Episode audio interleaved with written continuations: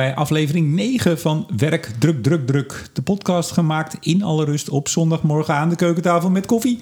Maar vooral met stress- en burn-out coach Melissa Schouwman. Goedemorgen. Goedemorgen. Afgelopen week, Melissa, er moet me iets van het hart. Ik kon uh, geen radio aanzetten of krant pakken en ik kwam werkdruk in alle soorten en maten tegen. Is dat nou omdat ik met jou deze podcast doe, dat ik er meer op let? Of was het er gewoon heel veel? Er was heel veel. Er was heel veel, ja. Ik zag iets met, met uh, buschauffeurs in het streekvervoer. Wat, wat, wat gebeurt er allemaal in het land? Ja, nee, overal komen signalen uh, van hoge werkdruk. Nou, van de NS weten we het. Hebben we misschien ook allemaal wel last van gehad. Mm -hmm. Dat uh, de NS hoge werkdruk heeft. En daardoor zijn gaan staken. Dat geldt ook voor de buschauffeurs in het streekvervoer. En die zijn het ook zat.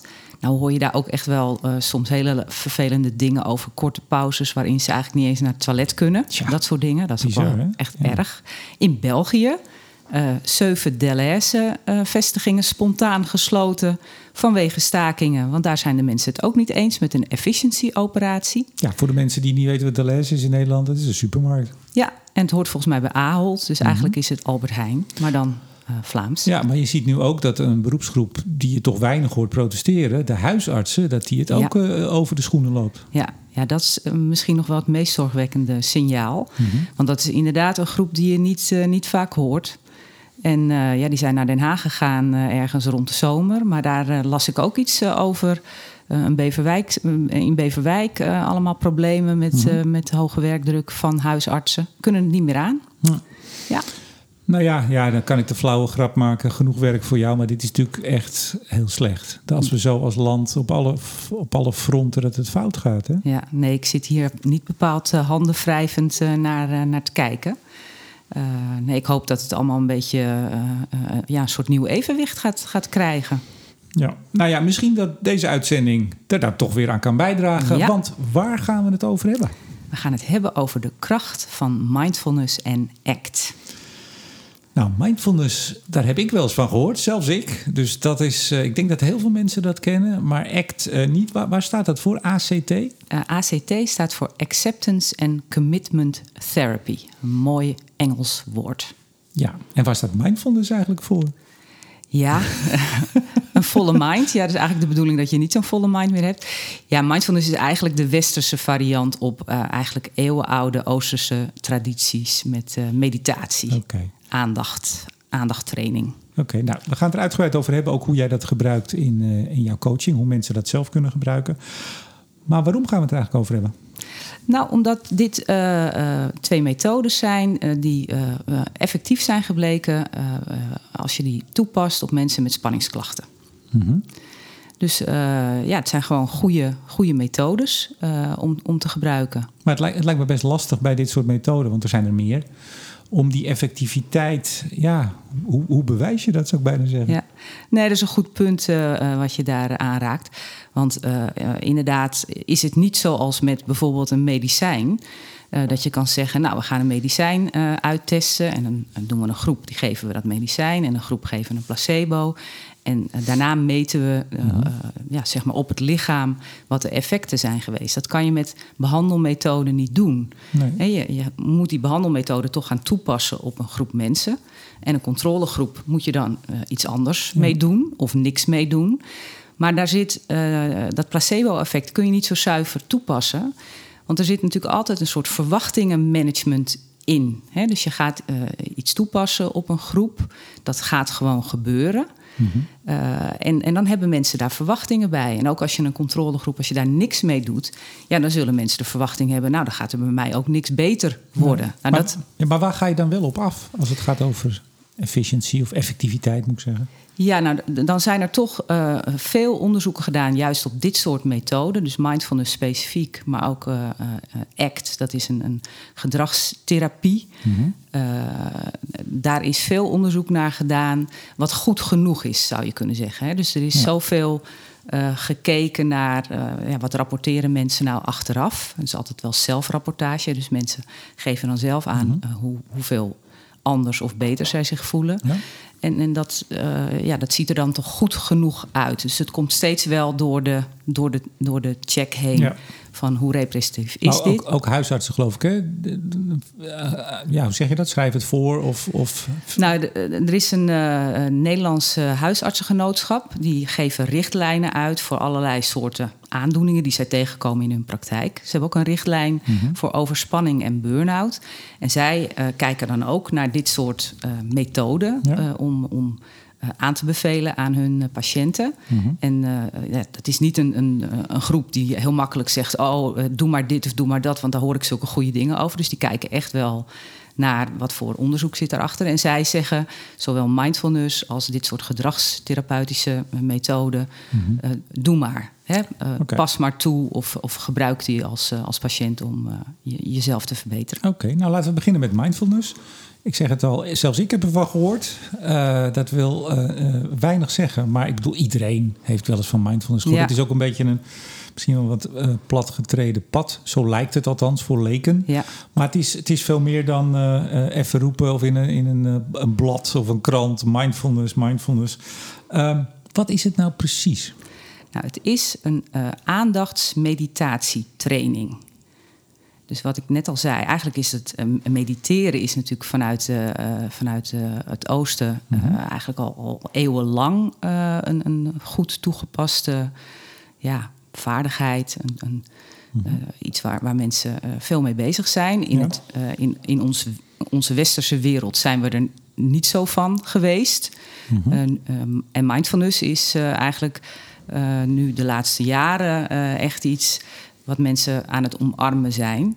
Eh, en het is aandachtstraining. Wat, wat, ik, wat ik vaak merk is dat mensen het wel verwarren met ontspanningstechnieken. Eh, dus, eh, en dat is toch iets anders. Het is niet zo dat als je aan mindfulness doet, dat je dan instantly ook ontspant. Ga lekker zitten. Neem een bakje koffie en ontspan. Dat is het dus niet. Nee, dat is het niet.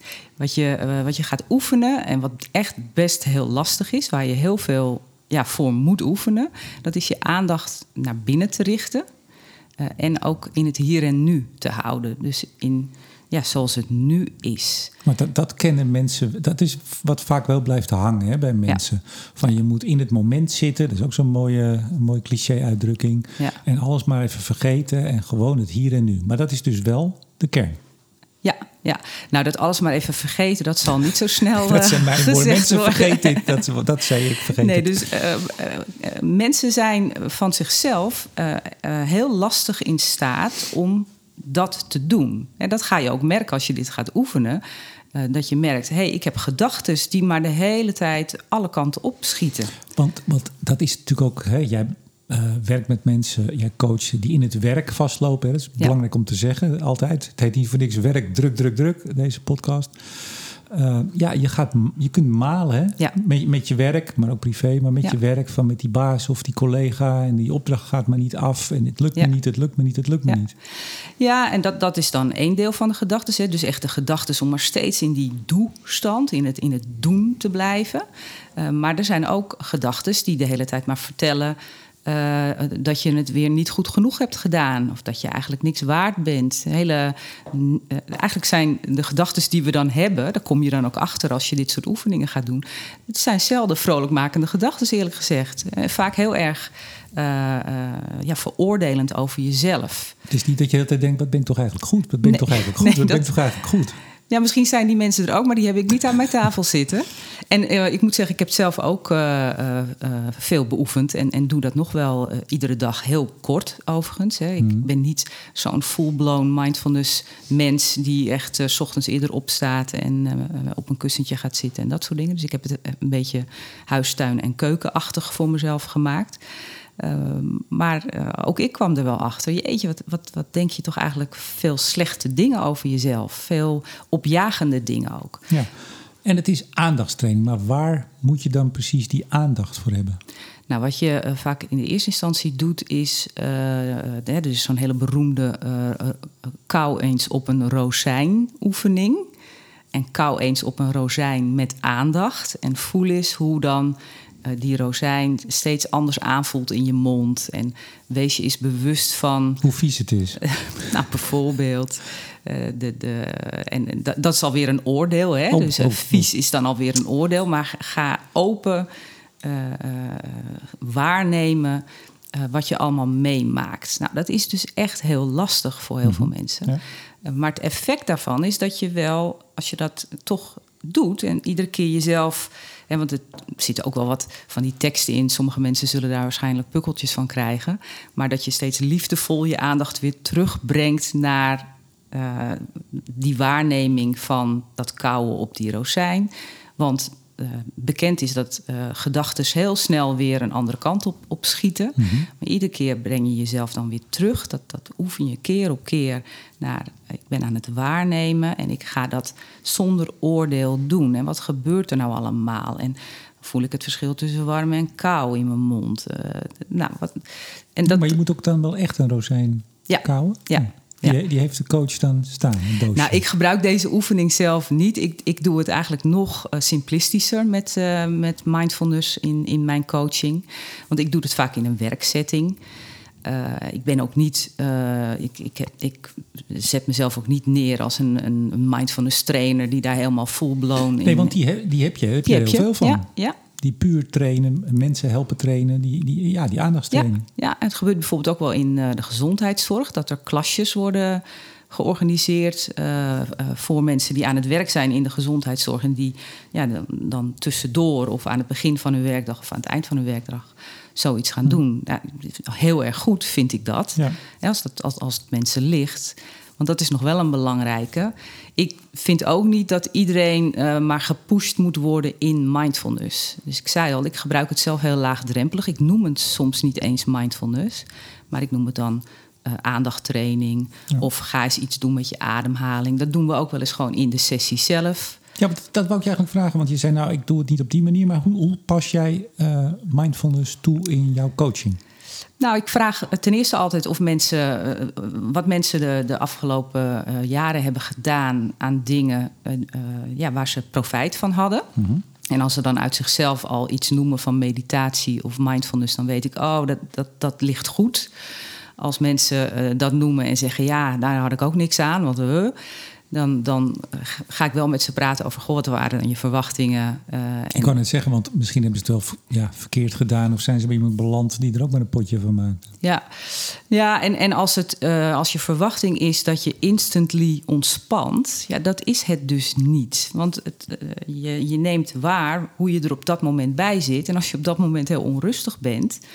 dan is dat wel waar je even mee te dealen hebt... Mm-hmm. Uh, en, en het is ook niet zo dat het voor iedereen geschikt is. Want iemand die maar steeds die onrust blijft ervaren, hè, dus die eigenlijk uh, heel erg steeds, uh, en misschien wel steeds meer gefocust raakt op die onrust die die mm-hmm. in zichzelf heeft. Ja, dan kun je van afvragen of dan uh, zo'n aandachtstraining wel de meest passende oefening is. Ja. Want wat, heb, je ook een voorbeeld van de oefeningen die je dan doet met iemand? Nou, bijvoorbeeld een hele simpele is... Uh, hè, je zit hier op deze stoel. Uh, als je wil, sluit dan je ogen. Want sommige mensen vinden dat nog best wel een drempel om hun ogen dicht te doen. Mm-hmm. En bedenk eens dat je over een jaar uh, ook in een lekkere stoel zit... in de zon, op een terras... En ja, wat, wat ervaar je dan allemaal? Wat beleef je dan allemaal? Om mensen... is gek. Sorry, ja, ik deed mijn ogen nu dicht. Ik deed mm. al een beetje. Ja. Je, ga, je gaat ineens al, want ik, ik zit je normaal natuurlijk aan te kijken. Je gaat al iets voelen. Heel gek. Ja. Nou, dit is eigenlijk meer om mensen uh, mee te laten maken uh, dat je inderdaad, als je je ogen dicht doet en je stelt je iets anders voor, dat dat, dat, dat, dat een bepaalde werking heeft. Dit is nog niet full-blown mindfulness, uh, want full-blown mindfulness is dan meer richt je op je ademhaling en uh, ja, voel eens wat je voelt. Wat, wat, wat neem je waar in je lijf? En dat kan dus nogmaals ook die onrust zijn. Kan die onrust zijn, kan pijn zijn. Hè? Mensen kunnen last ergens van hebben. En dat waren ze zich misschien niet eens zo gewaar. En mm-hmm. door die aandachtstraining hebben ze dat door. Sommige mensen zeggen ook, ja, lekker dan. Dan voel ik ineens dat ik die pijn uh, uh, heb. Ja, die pijn is misschien wel een signaal van jouw uh, oververmoeidheid, van jouw teveel, van, van de dingen ja, die je eigenlijk van jezelf aan het negeren bent. Dus ik uh, noteer, het is aandachtstraining, het is niet ontspanningsoefening of training nee. in, in, wezen. Het is misschien wel niet voor iedereen geschikt. Klopt. En het is vooral Ja, eh, nou ja, aandacht, dat zeiden we al. Ja, Ik zit ineens te denken, maar het is misschien voor een, misschien moet je een aparte podcast maken waarin je gewoon eh, een half uur eh, alleen maar dit soort oefeningen doet ja. tegen ja. mensen. Dan ben, ben ik er niet. Dan doe jij dat zelf. Nou, luistertip. Er zijn er best wel veel al die dat doen. Ja? Die eh, podcasts maken met, met mindfulness oefeningen. Ja. Wat, wat vind je daarvan?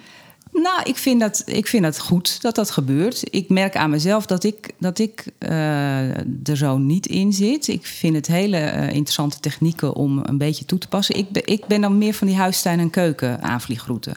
Dus ik geef ook best vaak eh, coaches dan oefeningen mee... Ja, die ze gewoon tijdens het huishouden kunnen doen. Van goh, als je nou aan het afwassen bent... ga dan eens even drie minuten vol aandacht die afwas doen. Voel eens hoe dat sop voelt. Voel eens, dus dat je het echt meer integreert in je leven. Want ik weet van mezelf dat dat vaak de crux is. Als je eh, een, een druk leven hebt met van allerlei verschillende dingen... eh, dan is het niet altijd zo makkelijk om een, een bepaalde methode... waar veel bij komt kijken, om dat helemaal een plek te geven in je leven. Dus ik, ik ben dan meer van die korte klappen eigenlijk. Dus de keukentafeltip is huistuin- en keukentip. Ja. Actie. Ja, zoiets, Ja. zoiets. Hey, we gaan zo naar eh, ACT, Acceptance and Commitment Therapy. Maar voordat we dat doen, eh, was er nieuws. Er was best wel in alle media aandacht voor. Een onderzoek. En ik vat maar even mijn eigen woorden samen. Maar waaruit blijkt dat eh, meisjes vooral last hebben van emotioneel problemen. Sorry, dat aantal meisjes sterk toegenomen. Ja. Kun jij vertellen wat nou het onderzoek is en wat daaruit blijkt? Ja. Ja, dus een onderzoek dat schijnt al eh, in Nederland in ieder geval vanaf 2001 te lopen. En wereldwijd loopt het eigenlijk nog langer. Eh, het is een, een onderzoek wat vierjaarlijks eh, plaatsvindt. En dat he- heet Health Behavior eh, onder School-Aged Children. Eh, dus ze onderzoeken dan structureel, vierjaarlijks, het, het, de gezondheid, mentaal en, en ook wel fysiek, Ja. van schoolgaande kinderen. Representatieve groep uit groep 8. En eh, kinderen tussen 11 en 16 in het voortgezet onderwijs. Eh, en dat eh, wordt heel degelijk aangepakt. In Nederland doet Trimbos dat samen met Centraal Cultureel Planbureau en Universiteit van Utrecht. En Nederland heeft dus in 2021 uh, dit onderzoek weer laten draaien. En daar zijn nu de resultaten van, van bekend. Mm-hmm. En ja, men lijkt wel enigszins gechoqueerd over het uh, enorme, de enorme verslechtering van de, uh, van de, uh, mm-hmm. de dingen die jonge meisjes. ja, emotionele problemen, flink toegenomen. Ja. Corona speelt daar een rol in, maar ook prestatiedruk. Want dat is even de link natuurlijk ook naar deze podcast ja. en jouw werk. Ja. Prestatiedruk al bij jonge kinderen, jonge meisjes. Dat lijkt mij geen fijn voorteken voor de rest van de van geen, de carrière. Geen vrolijk nieuws als het nee. al uh, zo jong begint. Mm-hmm. En wij schijnen daar in Nederland ook echt uh, slechter in te scoren dan, dan in andere landen. En dus in 2017 werd deze tendens al een beetje gezien. eh, dat die prestatiedruk. Uh, overigens niet alleen bij meisjes, maar bij meisjes wel extra. De ja. jongens hebben er ook wel last van, maar echt wel een stuk minder. Uh, maar in Nederland doen we, doen we dit dus slechter. Uh, en en uh, ik, ik, zag op televisie ook veel interviews met meisjes mm-hmm. die tot de doelgroep behoren. Ja. en die, die vertelden ook, ja, als ik ergens niet helemaal goed in ben, meteen bijlessen, meteen actie om daar beter in te worden. Dat zit eigenlijk helemaal in die kinderen. Van ik kan me eigenlijk niet. Uh, ik kan me niet. Uh, ik, ik, moet overal goed in zijn. Ja. Ik kan me niet veroorloven om ergens slecht in te zijn. Maar dit, uh, deze podcast duurt meestal een half uur. Maar ik denk dat we hier een uur over kunnen doorpraten. Ja. Over alle oorzaken. Want dat is ja, de maatschappij, zeggen we dan, legt die druk op. Maar dat zijn dus de ouders. Dat is onze hele ja, bijna instelling als, als maatschappij ja. van de afgelopen decennia. Falen is geen optie meer. Ja. Als je ergens niet goed in bent, inderdaad, bijles, bijspijkeren. Ja. En je kan ook het idee of de, ja, wat je wordt meege, meegegeven, je kan alles worden wat je wil. Ja. ja, dat is natuurlijk niet zo. The sky is the limit. Ja, er is wel degelijk een limit aan de sky. En dat vind ik denk ik ook zo goed van mindfulness, om daar nog even op terug te, te mm-hmm. grijpen. Uh, in mindfulness zit ook wel een deel uh, accepteren en, en ook een beetje omgaan met ongemak. Hè? Dus als je die aandachtstraining steeds maar toepast en je ervaart dingen in je lijf ja, die misschien even niet zo lekker zitten, is daar, daarbij ook wel uh, het idee. Ja, weet je, het is wat het is. Natuurlijk, als je echt merkt dat, dat er iets helemaal niet goed in je lijf zit, uh, ga naar de dokter. Uh, maar met, met een lichte mate van ongemak leren omgaan is wel belangrijk. En, dat, dat lees ik ook een beetje terug dan. En, en hoor ik ook een beetje terug in, in uh, zo'n soort verhaal over ja, mentale en emotionele problemen van al jonge kinderen. Denk, ja, in hoeverre leren we dan onze kinderen om om te gaan met, met ja, dingen die niet zo goed gaan? Ja. Nou, dat is een mooi bruggetje naar ACT, ACT, Acceptance, aanvaarding ja. en Commitment Therapy. Ik had er nog nooit van gehoord. Nee. Wat is het? Nou ja, behalve die, die woorden die, die je in het Nederlands kunt vertalen, maar Ja. even wat breder. Wat is het? Nou, het is een eh, derde generatie gedragstherapie. Ja, dat klinkt altijd een beetje eh, poepoe. Maar derde generatie betekent dat er dus al eerder gedragstherapieën waren waar deze op voort. Sterker nog, er waren er waarschijnlijk twee voor. Ja, precies.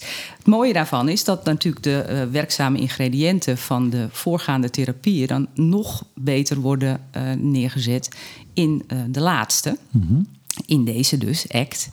Ja. En ACT is eigenlijk een, een manier om eh, ja, wat flexibeler met jezelf om te leren gaan.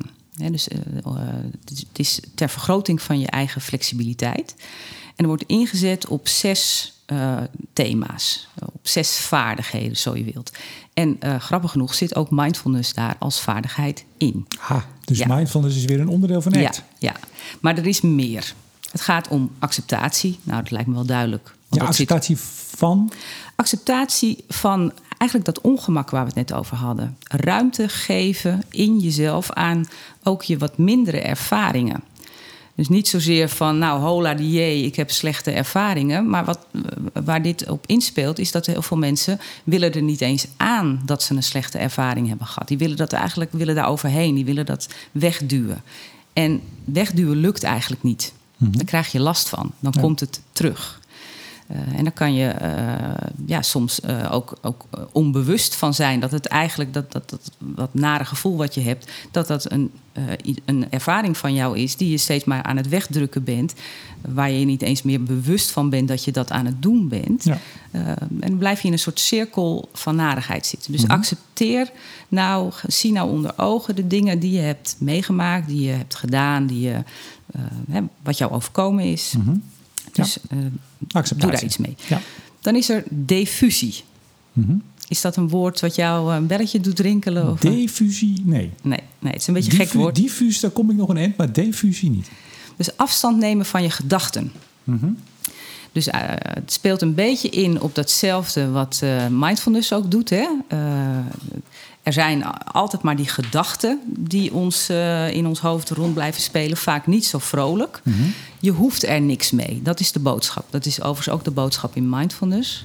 Je kan die gedachten als een soort rivier aan je voorbij laten trekken of als wolken aan de hemel. Eh, nou, dat is ook eh, bij diffusie het geval. Alleen daar zitten wat rare, grappige oefeningen bij. Daar kan ik straks wel wat meer over vertellen. Dan het flexibel omgaan met je zelfbeeld. Dat is de derde. Dus eh, mensen zijn geneigd om te blijven hangen in dat negatieve beeld, wat misschien eh, voor een deel wel van toepassing op ze is, maar ze vergeten daarbij dat er waarschijnlijk nog twintig andere beelden zijn eh, waar, een veel positiever, waar, waar ze veel positiever uitkomen. Ja, dus de- blijf nou niet hangen in alleen maar dat ene beeld van jezelf, van waar je dan toevallig niet zo goed in bent of waar je niet zo goed bent uitgekomen. Ja, dus drie. Nou, aandacht voor het hier en nu, dat is echt pure mindfulness. Daar weten we nu alles van. Kunnen we gewoon overslaan. Kan je Vier. gewoon eh, ja. toepassen. Eh, waarde, eh, dat is nummer vijf. Hè, dus wees je bewust van wat voor jou belangrijk is. Mensen staan daar niet altijd zo heel erg bij stil. Doen gewoon wat er van ze verwacht wordt, wat ze denken dat er van ze verwacht wordt. Maar wat is nou voor jou echt waardevol, echt belangrijk? Dus het weten daarvan. En dan is de zesde, toegewijd handelen. Toegewijd handelen is dat je ook die waarde vertaalt naar dingen die je gaat doen. Of die je doet in je leven. Dat je, die, eh, dat, dat je daar meer ruimte voor maakt. Ja. Voor wat voor soort problemen is ACT nou echt dat je zegt: kijk, daar, daar moet je ACT voor, of moet, daar mag je ACT voor gebruiken. Voor, Nou, het, het, het, het feit dat het inspeelt op flexibeler worden, en, uh, psychologisch gezien flexibeler worden, dat geeft misschien al uh, iets weg van uh, voor welke mensen dit het meest geschikt is. Er zijn nogal wat mensen die niet flexibel zijn en die zichzelf in een soort controlemodus hebben gezet. Mm -hmm. He, dus die heel ja, bijna gespannen bezig zijn om, om maar ja, om te gaan met misschien zelfs wel het ongemak van het leven, daar maar zo goed mogelijk proberen uit te komen. En die, en die dat doen door alles maar onder controle te houden. Door steeds ook uh, een soort van in zichzelf een voorspelling te doen van nou, als het dat gebeurt, dat moet ik misschien zien te voorkomen als ik nou zo doe. Dus die zitten een beetje vast in zichzelf. En daar is dit heel geschikt voor. Mm -hmm. uh, zij leren echt zichzelf een soort van uitdagen. Van wat is nou het ergste wat kan gebeuren als ik eens een ander pad insla?